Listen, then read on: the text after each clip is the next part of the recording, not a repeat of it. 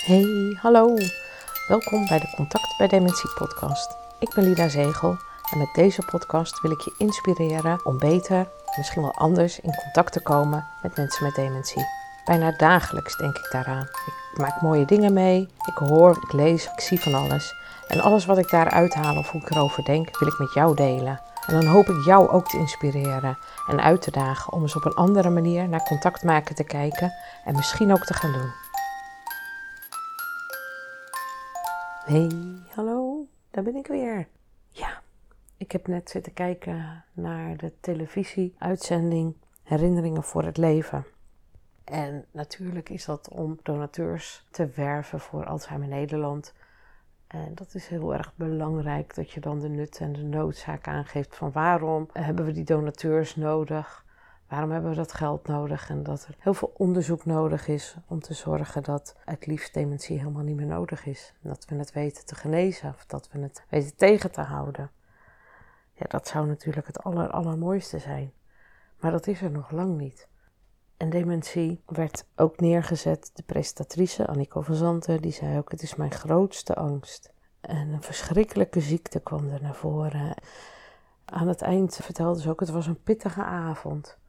En ja, dat is het ook. Want als mensen dementie krijgen, is dat ongelooflijk moeilijk. Dat, zullen we, dat zal niemand ooit willen bagatelliseren, uh, kleiner willen maken dan dat het is. Zou niemand teniet willen doen. Het, het, het, verschrikkelijke verdriet, voornamelijk voor de mensen eromheen, hoe, hoe groot dat is. En als je als, als mantelzorger ziet wat er gebeurt met degene die Alzheimer heeft of dementie heeft. En je krijgt het later zelf, dan kan je je voorstellen dat je zegt: Ik wil niet zo worden als, nou, mijn moeder bijvoorbeeld, en die droeg een luier en het niets meer kunnen weten en dat je zo hulpeloos bent. En die angst, die vond ik zo heftig. Ik snap wel dat je het niet allemaal helemaal fantastisch en hosanna moet maken. Maar ik vraag me af of je met angst nu het beeld rondom dementie gaat veranderen. Ik luister, ik loop nog een beetje achter naar Vergeten te vragen, waarin Marlon en Miranda, dochter en moeder, met elkaar in gesprek gaan over dementie. En Miranda is jong, begin 50. Marlon is dus ook een jonge dochter. En een van de dingen die zij ook naar voren brengen in hun podcast is het verschrikkelijk te vinden dat het woord dementerende wordt genoemd. Of iemand is aan het dementeren. En je kan gewoon nooit je ziekte worden. En dat, ja, ik ben blij dat zij het ook zeggen. En ik denk dat we dat ook moeten blijven zeggen met elkaar. Want op het moment dat wij een ziekte gaan gebruiken om een mens aan te tonen, dan kijken we niet meer naar de mens, maar kijken we alleen nog maar naar de ziekte. En als we het hebben dat het mensonterend is, dan vind ik dat we het zelf mensen onteren door ze hun ziekte te noemen en niet meer als mens te zien. En ik weet wel dat het allemaal niet zo bedoeld is. Dat begrijp ik heel goed. Dus het is ook heel pijnlijk om daar wat over te zeggen. Maar door je daarover bewust te zijn, ga je ook op een andere manier kijken. En ja, ik snap het. Al die filmpjes die er waren in die uitzending van Herinneringen voor het Leven, die zijn enorm emotioneel. Het is enorm lastig als je niet meer uit je woorden kan komen, als je emotioneel wordt omdat je het niet meer weet of omdat je het niet meer ziet zitten. En Ilse zei ook: Ik ben niet achterlijk. En ik denk dat dat het aller, aller, allerbelangrijkste is om te weten. Dat je niet ineens dommer wordt als je een of andere vorm van dementie krijgt. Je weet het alleen minder goed om te zetten. Dus dat van binnen in je hoofd gebeurt er zo ongelooflijk veel, wat er aan de buitenkant niet te zien is, of niet te horen is, of niet te merken is. En Ilse zei ook: er zijn ook fijne en goede momenten. Dat je nog iets voor elkaar betekent. Het was naar aanleiding van haar zoon, die een week lang gaat fietsen. om zoveel mogelijk geld op te halen voor Alzheimer Nederland. En zij was ook trots. Dat ook Annico zei van, nou, maar u bent ook heel trots. Ja, natuurlijk, zegt ze. Dat is toch fijn dat je nog iets voor elkaar betekent. En misschien zijn het de woorden niet meer die ze anders zou gebruiken. Het raakt wel de kern waar het over gaat. Je betekent nog iets voor iemand. Er werd ook gezegd: Mijn moeder is misschien nu anders, maar ze is voor mij nog steeds mijn moeder. En die waarde van alleen al het feit dat iemand je moeder is, dat maakt het toch belangrijk om dat wel te blijven zien ook. Ik zou je ook aan willen raden om naar Marlon en Miranda te luisteren, naar Vergeten te vragen. Want zij zeggen ook van, noem het niet dementerende. Maak het niet zo negatief. Gooi er niet zo'n stempel op. Van, volgens mij zei eh, Miranda zelfs van, nou, ik krijg er een knoop van in mijn buik. En wat zij ook aangaven, wat ik ook altijd moeilijk vind, is dat dementie wordt gekoppeld aan ouderenzorg. Ouderenzorg. Dat het iets is wat alleen voor ouderen zou zijn. Het gaat over mensen. En wanneer ben je ouder? Ben je alleen maar ouder als je kinderen hebt gekregen? Dat is natuurlijk flauw. Of ben je ouder als je met pensioen bent? Of ja, wanneer ben je een oudere? En dat is dus lang niet altijd zo, als je ook ziet dat er mensen van eind 40, begin 50, die zijn er ook, echt. En niet zomaar een paar. Daar zijn er best wel veel van. En moet je het dan gaan hebben over ouderenzorg? Ja, we maken het zelf, denk ik, wel heel erg zwart door dat zware negatieve stempel erop te leggen. In een van de filmpjes vertelde ook een zoon dat hij naar Alzheimer Nederland had gebeld toen de diagnose pas bij zijn moeder was gesteld. En dat hij toen als tip kreeg, want er is, er is nu eenmaal geen medicijn, we kunnen niks doen. Maar hij kreeg als tip, begin met afscheid nemen. En toen ik dat hoorde, snapte ik het wel. Maar ik vind het mooier om te zeggen, ga herinneringen bouwen. En daarom is de uitzending Herinneringen voor het Leven is mooier. Door die herinneringen te maken en vooral door ze vast te leggen, kun je af en toe foto's laten zien. Dan kun je vertellen wat je meemaakt. Toen ik onlangs vertelde tegen iemand dat ik een podcast maak over contact bij dementie, die zei van, oh, maar ik heb nooit met dementie te maken. Ja, ik heb nou wel een broer die dementie heeft. En die woont wat verder. En dan ga ik dan uh, één keer uh, in de maand uh, ga ik daar naartoe. En heb ik een fotoblad gemaakt, want ik wil dat hij onze namen blijft onthouden. Ja, dan word ik stil. Ik heb nooit met dementie te maken. Nou, dat geloof ik niet, want overal om je heen zijn mensen met dementie. Was trouwens ook een mooi voorbeeld dat er diverse mensen in het land op pad waren gegaan voor Alzheimer Nederland op foto's te maken. Op plekken waar mensen herinneringen maken. Om die herinneringen dan vast te leggen. En dat zij verrast waren op het moment dat iemand zei die ze aanspraken van... Als er werd gevraagd van, kent u ook mensen met dementie? Dat mensen dan zeiden, ja, mijn vader met wie ik nu ben. Of ja, ik heb zelf dementie. Of ja, wij hebben Altie en Hemi, zeiden er twee. Van we hebben het samen, we, we dragen het samen. En dat de mensen, de bekende mensen die dan in het land die mensen ontmoeten, die keken dan echt verbaasd van, oh jee, dus dat, dat, dat kan ook nog zijn. Gewoon, je ziet er gewoon uit, er is helemaal niks aan je te zien. Dat is het begin. En op het moment dat, dat allemaal dingen lastiger en moeilijker worden, karakters veranderen, woorden niet meer eh, op, op, ja, opkomen, dat maakt het een heel stuk moeilijker. Maar moeten we die hele donkere kanten continu benoemen? Ik denk ook, en ook nadat ik ook weer Marlon en Miranda heb gehoord, ja, hoe ik het zie, wat mijn gedachten zijn, van wat wil je zien? Wil je de pap zien, waar een paar krentjes in zitten en dat noemen we dan herinneringen? Of ga je juist naar die krentjes kijken en zeg je, wow, kijk nou, hier alweer een krentje en hier een krentje en hier een krentje. Jongen, daar nog een krentje. Wat een hoop krentjes zitten er in deze pap. Of is het alleen maar pap van nou, gelukkig zitten er ook nog een paar krentjes in, want anders was het wel heel erg zuur. Het is volgens mij ook echt hoe je ergens tegenaan kijkt en hoe het gaat. En ik snap echt, ik snap nogmaals, ik snap het heel erg goed. Dat het helemaal niet zo makkelijk allemaal is. Dat het heel moeilijk is als je ervoor moet kiezen dat je toch iemand naar een verpleeghuis moet laten overgaan.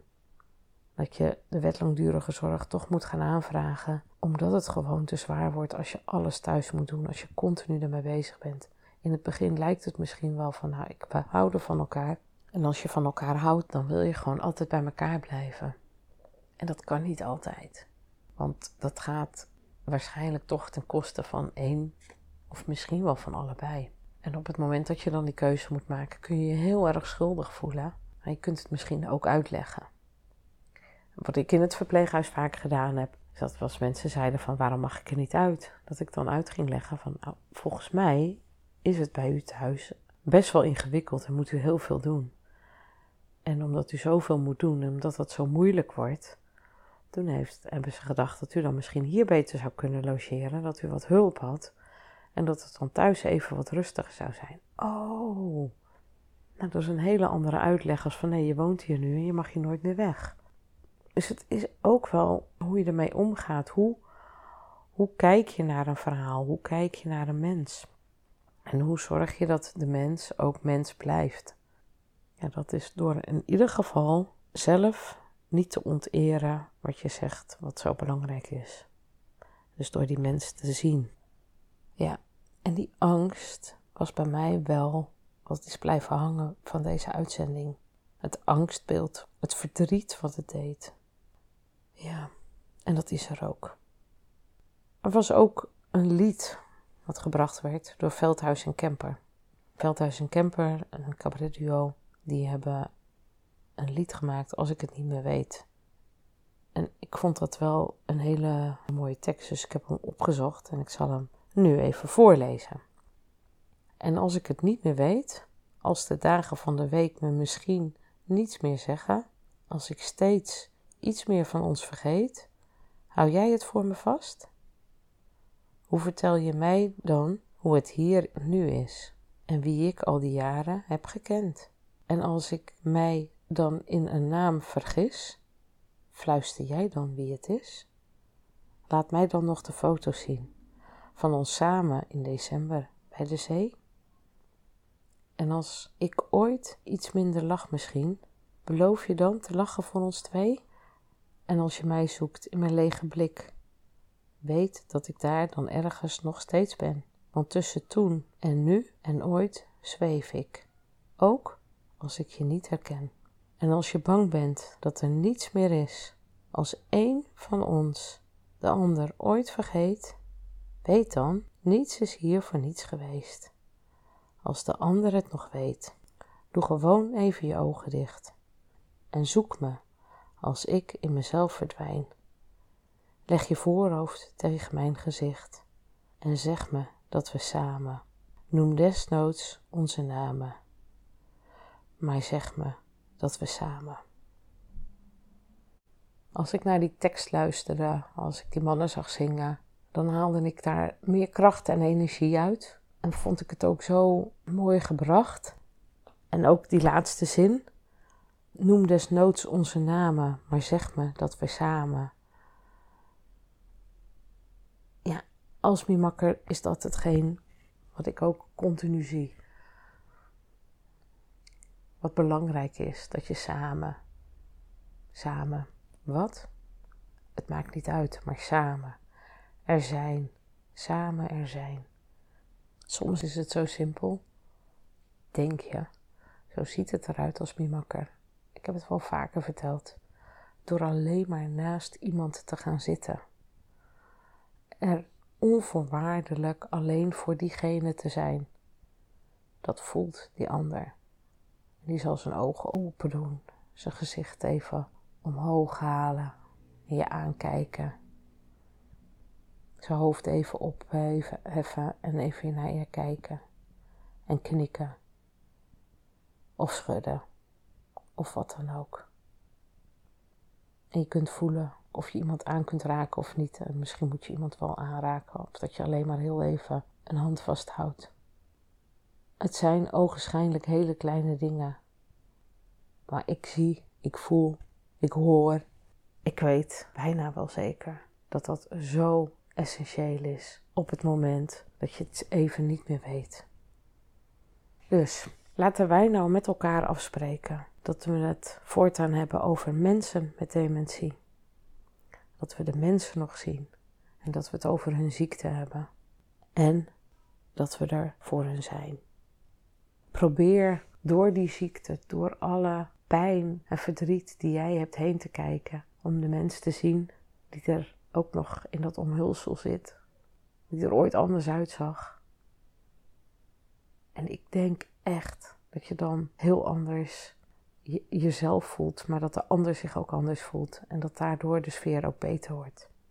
Dus niet vanuit die angst, niet vanuit het schrikbeeld, niet vanuit het afschuwelijke, het frustrerende, het grijpende, het hulpeloze, al die dingen niet. Dat is pap. Die pap willen we niet. We willen de krentjes. Even je hoofd tegen iemands voorhoofd. Heel zachtjes, heel even. Even een aai over iemands hand. Wees er voor de ander, ook al heeft die ander dementie. Maak er weer een mooie week van. Doeg! Ja, dat was het weer. Wat fijn dat je luisterde naar deze podcast. Super bedankt daarvoor. Want samen maken wij de kloof naar mensen met dementie minder groot.